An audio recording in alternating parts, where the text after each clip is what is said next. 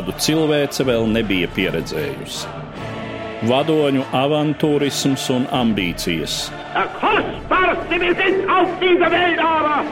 Valsts vīru neizlēmība un ilūzijas.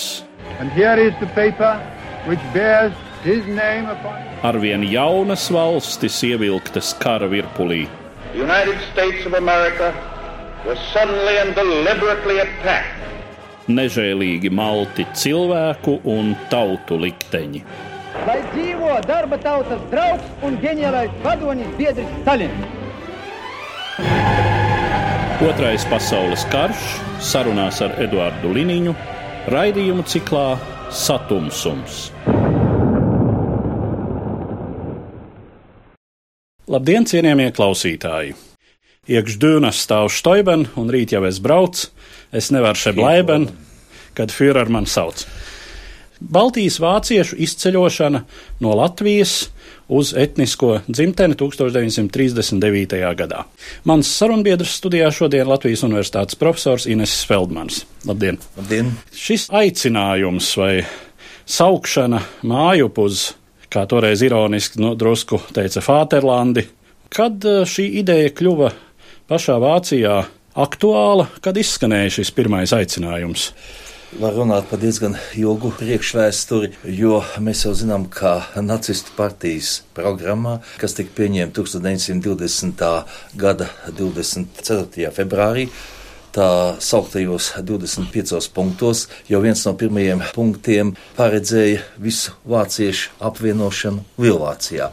To vāciešu apvienošanu, kuri bija nokļuvuši zem citu valstu suverenitātes Versaļas miera līguma rezultātā. Kaut gan nu, šī ideja, protams, neatstāja nekādu ietekmi uz eh, konkrēto naciskās Vācijas ārpolitiku. Pēc Hitlera nākšanas pie varas 1933. gada janvārī nu, neatstāja vismaz nekādu ietekmi līdz 39. gada sākumam, jo vācu politika iepratim tiem vāciešiem, jeb tām vācu tautas grupām, kas dzīvoja citās Eiropas valstīs, tā skaitā arī Latvijā un Igaunijā, bija visai viennozīmīga. Šos vāciešus zināmā mērā uzskatīja par tādu Vācijas priekšposteni, kas ir jāstiprina, lai Vācija varētu viņus izmantot kā savus ārpolitikas instrumentu. Bet Vācijā jau bija arī citas problēmas, kad nāca Hitlers pie varas, ļoti bija liels bezdarbs bet uh, Hitlera valdības politika, ekonomiskā politika, nu, arī bruņošanās politika noved pie tā, ka visai drīz jau praktiski šis bezdarbs bija likvidēts, un Vācijai 38. gadā, 39. gada sākumā jau īpaši izvirzījās pilnīgi otrāda problēma - darba spēka trūkuma problēma. Un Vācijas eh, augstākajā vadībā izvirzījās, ka šo darbspēku problēmu varētu atrisināt, atsaucot mājās tos vāciešus, kas dzīvo ārpus Vācijas robežām. Taču nopietni šī problēma netika risināta līdz 39. gada rudenim. Līdz ar to mēs varam teikt, ka šī jaunā vācu politika, kuras pirmsākumi ir manām 39. gada septembrī, un kuru mēs varētu nosaukt vācu valodā par Heim ins Reich politiku, tad māju pus Reihu politika, ka tā ir tāds improvizācijas rezultāts, kas izvirzījās pēc Molto-Ribbentropa pakta parakstīšanas 1930. 39. gada 23. augustā. Nu, kaut gan šajā improvizācijas politikā ir saskatām ne tikai eh, ārpolitiskās taktikas elementi, šajā improvizācijas politikā tomēr ir saskatāmi arī zināmi stratēģijas elementi. Ja atsauc iedzīvotājs no tās teritorijas, kur ir atzīta par padomju savienības ietekmes zonu, nu dabiski, ka to jau nav tik vienkārši atpakaļ atgriezt. Un varbūt, ka arī veidojot šo Heimins Reich politiku, faktiski vācieši mazliet arī domāja, ka tā situācija, kas balstījās uz Molotov-Ribbentropa paktu un vēlākiem noslēgtajiem Vācijas un Padomju Savienības nolīgumiem, var būt arī diezgan ilgstoša. Es domāju, ka vēsturnieki vēl līdz šim tā īsti nav to Heimins Reich politika izpētījuši katrā ziņā tos cēloņus, kas ir tās pamatā. Literatūrā tādas pilnīgi pārliecinošas atbildes par šo jautājumu man šķiet vēl nav. Kur vēl Molotov-Ribbentropa pakta darbības zonā ir lielākas vācu kopienas? Vācieši starpkara periodā dzīvo ļoti daudzās eh, valstīs, un tā pirmkārt, ja mēs jau minam Baltijas valsts, tad šeit gan Latvijā, gan eh, Igaunijā dzīvošos eh, vāciešus mēs parasti saucam par vācu baltiešiem. Šīs tautas grupas bija diezgan nelielas. Latvijā dzīvoja mazliet pāri par 62 tūkstošiem vācu baltiešu, Igaunijā šī grupa bija vēl mazāka, ap 18 tūkstošiem. Lietuvā arī dzīvoja vācieši, bet tos vāciešus nesauca par Baltijas vāciešiem. Tos sauca divējādi. Bija Lietuvas vācieši, kas dzīvoja Lietuvas teritorijā, un bija tā saucamie mēmeles vācieši, kas dzīvoja Klaipēdz, jeb mēmeles apgabalā. Šie mēmeles vācieši, jau varētu teikt, atgriezās pēdējās, protams, Vācijā jau 39. gada martā, jau līdz ar visu mēmeli. Jā, daudz vāciešu dzīvoja Austrumpolijā. Tenārevas, Volīnijas, Galīcijas rajoni 39. gada septembrī, padomju senība šīs teritorijas okupēja. Ļoti daudz vāciešu eh, dzīvoja arī Ungārijā, ļoti daudz vāciešu dzīvoja Rumānijā, arī Bulgārijā, Horvātijā, Slovenijā, tā kā šīs vācu tautas grupas eksistence tā bija toreizējās Eiropas politiskās tādas uh, situācijas neatņemams elements. Kopumā laika posmā no 39. Eh, gada oktobra līdz 43. gadam tiek parakstīti desmit izceļošanas līgumi. Pirmais izceļošanas līgums 39. gada 15. oktobrī tiek parakstīts ar Igauniju. 3. oktobrī seko šis izceļošanas līgums, kas parakstīts ar Latviju jau, un tad arī seko izceļošanas līgums ar uh, Padomju Savienību novembrī, kas skar to vāciešu izceļošanu, kas atradās galvenokārt rietumu Ukrainas teritorijā. Latvijas uh, valsts par to, ka Vācija grib atsaukt savu tautas grupu no Latvijas tika informēta pirmo reizi 1939. Mm, gada 7 oktobrī. Dienu iepriekš, tas ir 6. oktobrī, Hitlers uzstājās Reistāgā ar tādu oficiālu runu, kurā pasludināja, ka Vācija sauc mājās visas savas tautas grupas. Un tajā pašā 6. oktobrī ziņojumu uz Rīgu sagatavoja tā laika Latvijas sūtnis Berlīnē Edgars Krīviņš, bet šajā viņa ziņojumā ir piezīme no Hitlera runas Reistāgā nekļūt skaidrs, vai tas Führera aicinājums attiecas arī uz Latvijas vāciešiem. Kad viņš attiecās uz Latvijas vāciešiem, pirmo reizi sarunā ar toreizējo Latvijas ārlietu ministru Vilhelmu Munteru paziņoja toreizējais Vācijas sūtnis Latvijā Oriks von Kots. Munters bija visai izbrīnīts, un arī viņš jautāja Kocem, kādi tad ir iemesli tam, vai šī izšķiršanās nav saistīta ar to, ka nu, Latvija ir pasludināta par padomju interešu sfēru. Kocis galvenais arguments bija tāds: mēs gribam izvest no Latvijas vācu baltiešus, lai nenotiktu tādas lietas kā Bromberga. Ir tāda pilsēta Bromberga, tagad tā ir Polijas pilsēta Bitgošķa, Bitgošā otrā pasaules kara sākumā notika vairāki ekscesi kas bija vērsti pret eh, Polijā dzīvojušiem vāciešiem. Eh, šie incidenti notika trešajā karadienā. Šajā laikā notiek sadursmes starp vietējiem vāciešiem un poļu karaspēku vienībām. Nu, diezgan daudzi vietējie vācieši tiek nogalināti. Tieši Brombergā ap 800, bet kopumā Otrā pasaules kara pašā sākumā Polijā tiek nogalināti ap 5000 vietējo vāciešu, tas polijas pilsoņu. Šo faktu izmanto ļoti, ļoti savā labā nacistu propaganda, un, ja mēs runājam par Vācijas valdošo aprindu lēmumu pieņemšanu attiecībā par izceļošanu, tad ļoti daudz autoru darbos šis Brombergs sindroms tiek minēts kā viens no galvenajiem. To apliecina daudz dokumentu. Es esmu daudzos eh, vācu izcelsmes dokumentos šo vārdu Brombergs sindroms lasījis. Vācu baltiešu kopienu Latvijā. Kādi bija tie noskaņojumi, kas valdīja šo ļaužu vidū, kas acīm redzot ļoti noteikti ietekmēja arī viņu lēmumu braukt vai palikt? Noskaņojumi bija dažādi. Es tā gribētu šajā gadījumā visu Vācu baltiešu sabiedrību sadalīt divās daļās. Pirmā daļa tā ir jaunatne. Ar jaunatni es domāju cilvēkus tajā laikā līdz 30, nu, mazliet pāri 30 gadiem.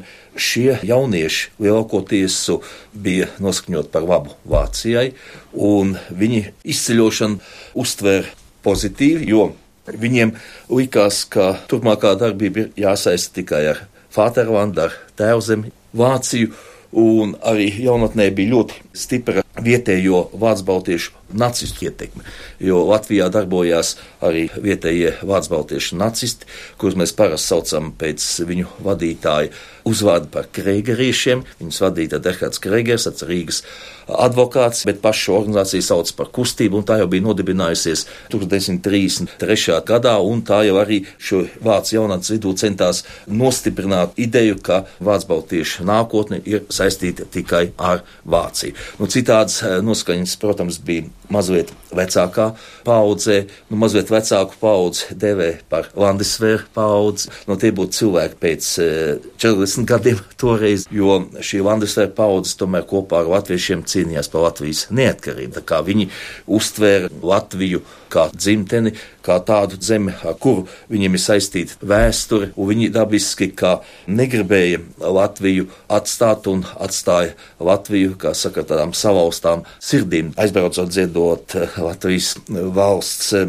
himnu. Tā kā eh, nostādnes ir dažādas, un tā sauktā Landesvēra paudze jau arī lielākoties izšķirās tomēr par aizbraukšanu, nu viņi izšķirās par aizbraukšanu apstākļu spiesti. Vācija un Latvija 1939. gada 3. oktobrī parakstīja šo izceļošanas līgumu, un saskaņā ar šo izceļošanas līgumu pamatnoteikumiem šai Vācu baltiešu izceļošanai no Latvijas bija jānoslēdzās līdz 1939. gada 15. decembrim. Tā tas gan nebija, bet līgumā tā tas bija paredzēts, un pēc tam jau faktiski kā juridisks subjekts Vācu baltieši Latvijā vairs nebija paredzēts. Tas nozīmē, ka Latvijā vairs nebija paredzēts vācu skolas, nebija paredzēts iznākt vācu avīzēm, nebija paredzēts būt vācu baltiešu nacionālām organizācijām un zināms spiediens šādā ziņā šeit bija.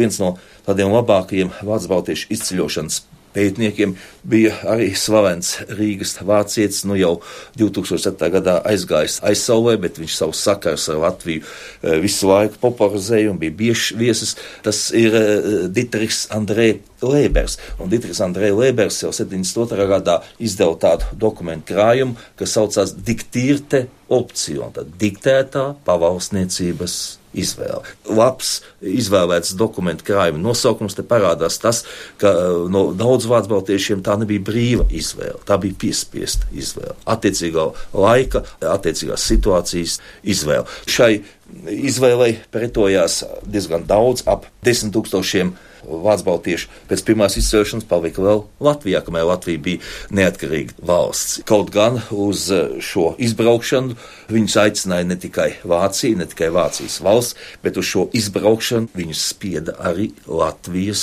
uh, oficiālās valsts iestādes. Es Latvijas arhīvās atradu daudz dokumentus, ka toreizējā Latvijas politiskā policija, politi pārvalde izdeva rīkojumus saviem ierēģiem ierasties pie ikviena vācu baltieši, kas eh, nevēlas izceļot un mēģināt viņu pārliecināt, ka ir jāizceļot. Tomēr, nestoties pat uz šādu spiedienu, desmit tūkstoši palika, un arī polipāvātas materiālos parādās tas, kāpēc viņi palika.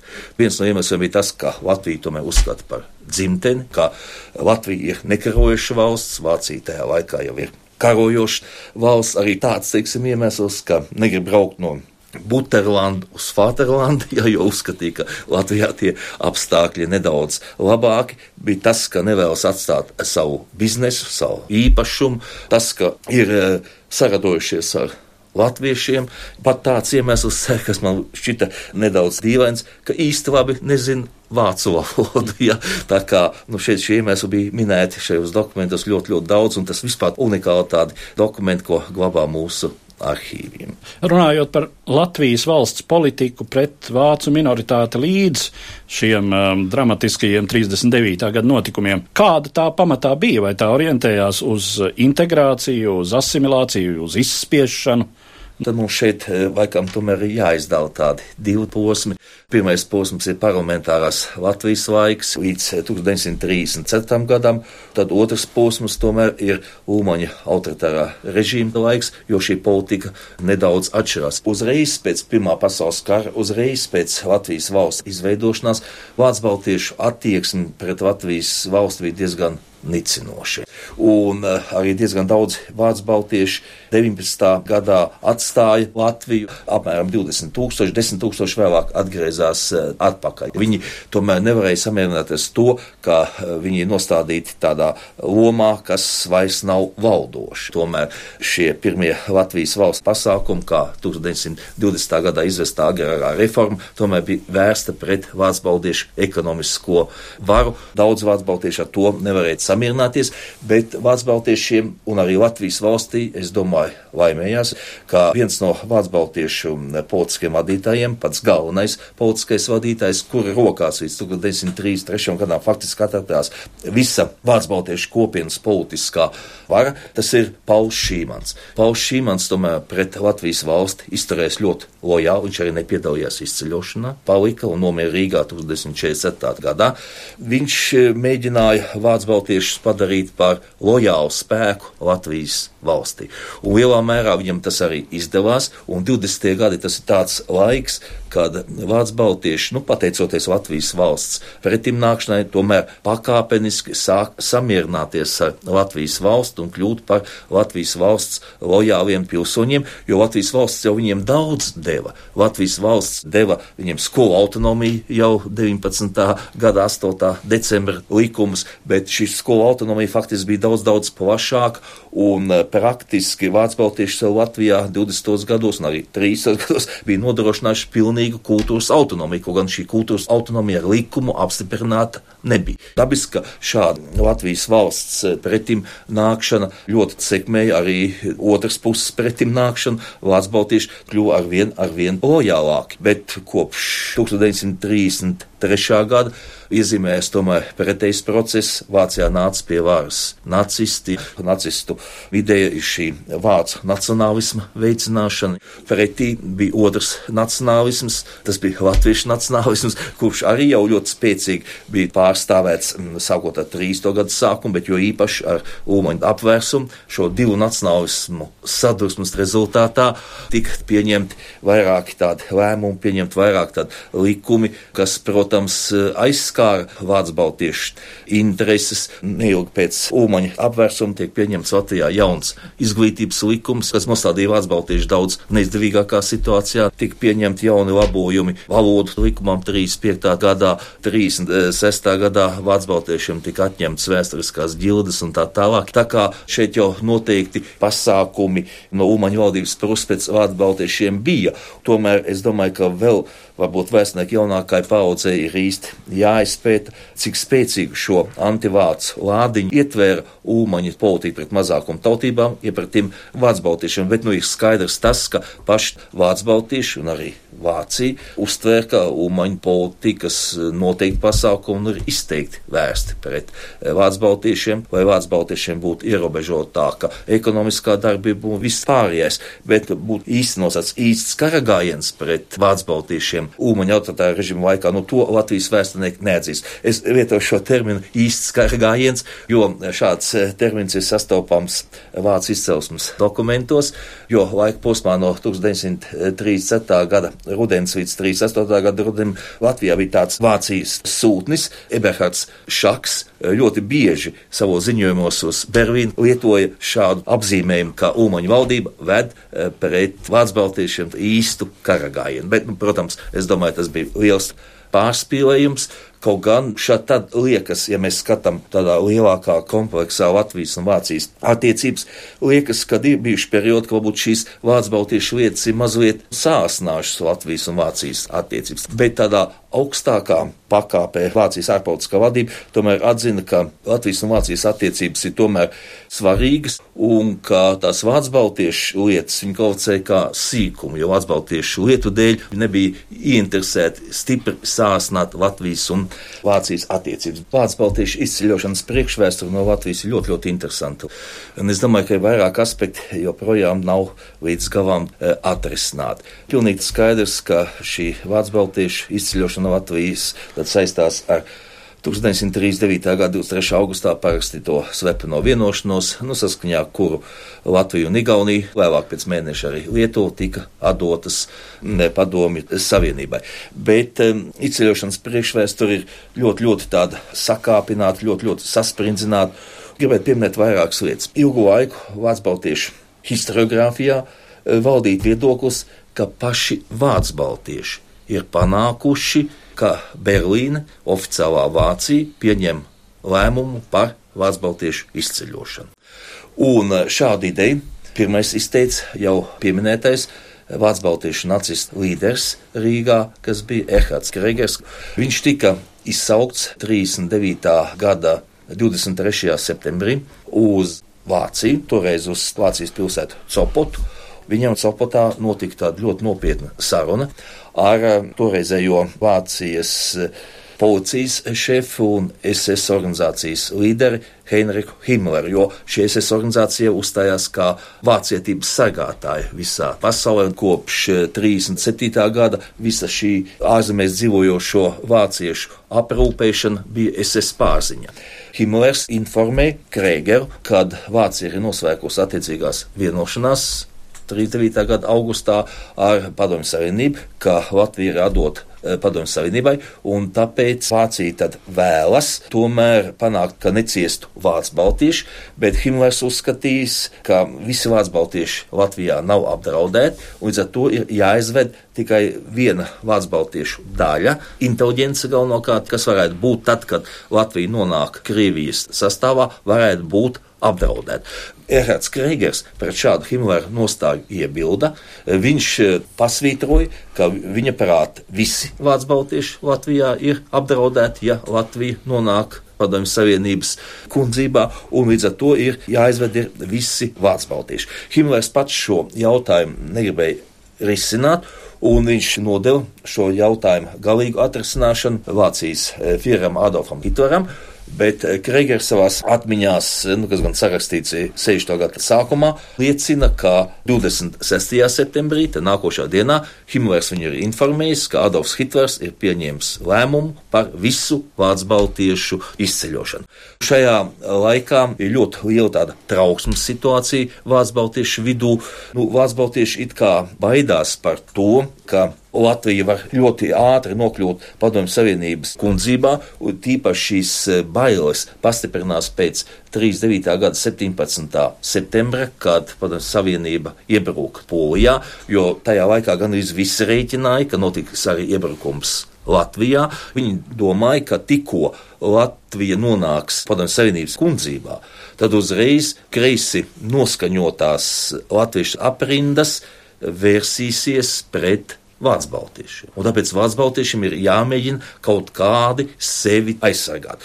Viņi domāja, ka ne tikai kreisās aprindas, bet varbūt arī latviešu labējās aprindas kaut ko darīs pret Vācu baltiešiem tajā situācijā, kad eh, Padomju Savienība iebruks Latvijā.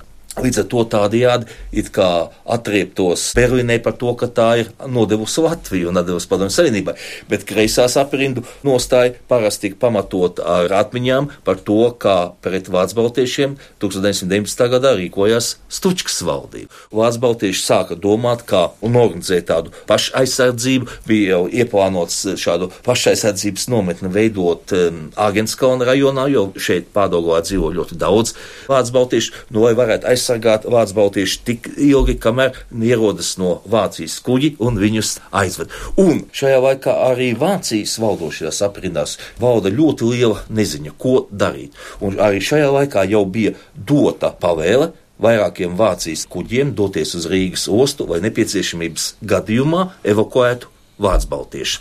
Situācijas nomierināšanā šajā ziņā iesākas 28. septembrī. Šajā dienā otrais uz Maskavu dodas Vācijas ārlietu ministrs Joachims von Ribbentrops, un šīs otrreizējās vizītes laikā Maskavā viņš panāk ar Padomju Savienību vienošanos. Pamat vienošanās ir Vācijas un Padomju Savienības līgums par robežu un draudzību, bet šo pamat dokumentu pavada arī vairāki slepeni protokoli. Viens no protokoliem ir protokols par izceļošanu. Paredz, ka Vācija no savas puses un Padomju Savienība no savas puses nevikšķi šķēršļus, ja viens vai otrs valsts interešu sfērā dzīvojošie izteiks savu vēlēšanos aizbraukt uz Vāciju, jeb arī Vācijas interesu sfērā e, dzīvojušie vēl Ukraiņi un Baltkrievi izteiks vēlēšanos pārcelties uz Padomju Savienību, tad nekādas šķēršļi no vienas puses netiks likti. Tā kā šis 1939. gada 28. septembrī parakstītais protokols ir pamats šīm visām izceļošanas akcijām, kas skar Austrumu Eiropu un tā skaitā arī Vācu baltiešu izceļošanai no Latvijas. Šis risina tādus jautājumus, kuru risināšanā it kā galvenā kompetence piederētu vēl neatkarīgajām valstīm. Tas būtu šajā gadījumā Latvijai un Igaunijai. Runa šajā protokolā ir it kā par šīs valsts pilsoņiem, bet ne šajā protokolā ne Latvija, ne Igaunija vārdā nav minēts. Tādā nekaunības ziņā šādam protokolam nav precedents starptautiskajās tiesībās. To, ka noskaņojumi latviešu sabiedrībā ir dažādi, tas ir diezgan skaidrs, un vismaz daļa latviešu sabiedrības tobrīd, 39. gadā, uztver vācu izbraukšanu ar zināmu gandarījumu, redz, kā 700 gadu apspiedēji beidzot brauc projām. Tālredzīgākie, protams, norāda, ka tā ir bēgšana nepārprotami, un ka tas tikai nozīmē, ka Latvija ir priekšā grūtas dienas. Ir droši vien arī tādi, kuri tomēr saprot, ka tas ir zaudējums Latvijai. Tas ir ļoti liels zaudējums Latvijai, jo aizbrauc pat izglītotākā, kultūrālākā Latvijas sabiedrības daļa. Es gribētu pasvītrot, ka ar Vācu baltiešu izceļošanu iezīmējas jau intelektuālā vakuma rašanās Latvijā, ko vēlāk pastiprināja 41. un 49. gada staļiniskā deportācija, ko pastiprināja pēc vācu okupācijas norisinājušies holokausts. Tas dabiski, ka Emigrācijas vilnis. Jā, jā, nu, Latvija intelektuāli ļoti, ļoti zaudēja, un tas ir tikai viens un vienīgs zaudējums.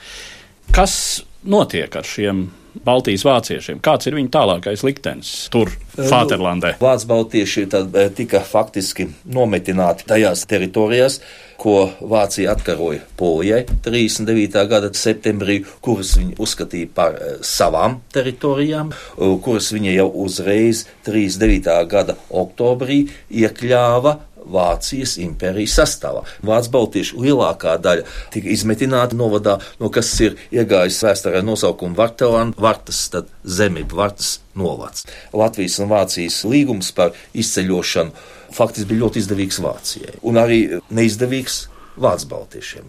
Jo Vācu baltieši nu, nebija saimnieki par savu īpašumu atsevināšanu. Ja. Šeit Latvijā tika nodibināta īpaša akciju sabiedrība, kas ar to nodarbojas jau pēc Vācu baltiešu aizbraukšanas. Vācijas valsts Vācu baltiešiem solīja tikai to, ka jaunajā dzīves vietā viņi saņems pretī tādas pašas ekonomiskos labumus, kāds viņiem bijuši ir Latvijā. Tas, protams, uz tajās teritorijās dzīvošo poļu un ebreju rēķina.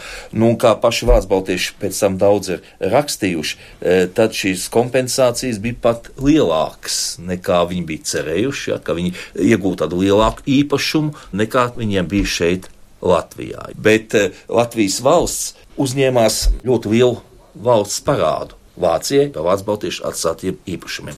Un eh, šeit mēs varētu runāt, ja mēs skatāmies no Latvijas viedokļa, pat par tādu Latvijas ārpolitiskās stratēģijas maiņu. Vēl 1939.